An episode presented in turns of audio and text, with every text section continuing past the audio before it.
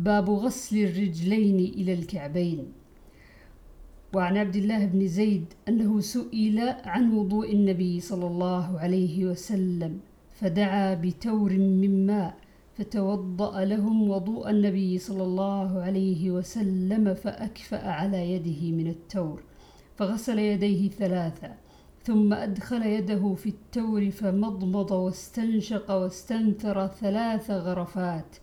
ثم أدخل يده فغسل وجهه ثلاثا ثم غسل يديه مرتين إلى المرفقين ثم أدخل يده فمسح رأسه فأقبل بهما وأدبر مرة واحدة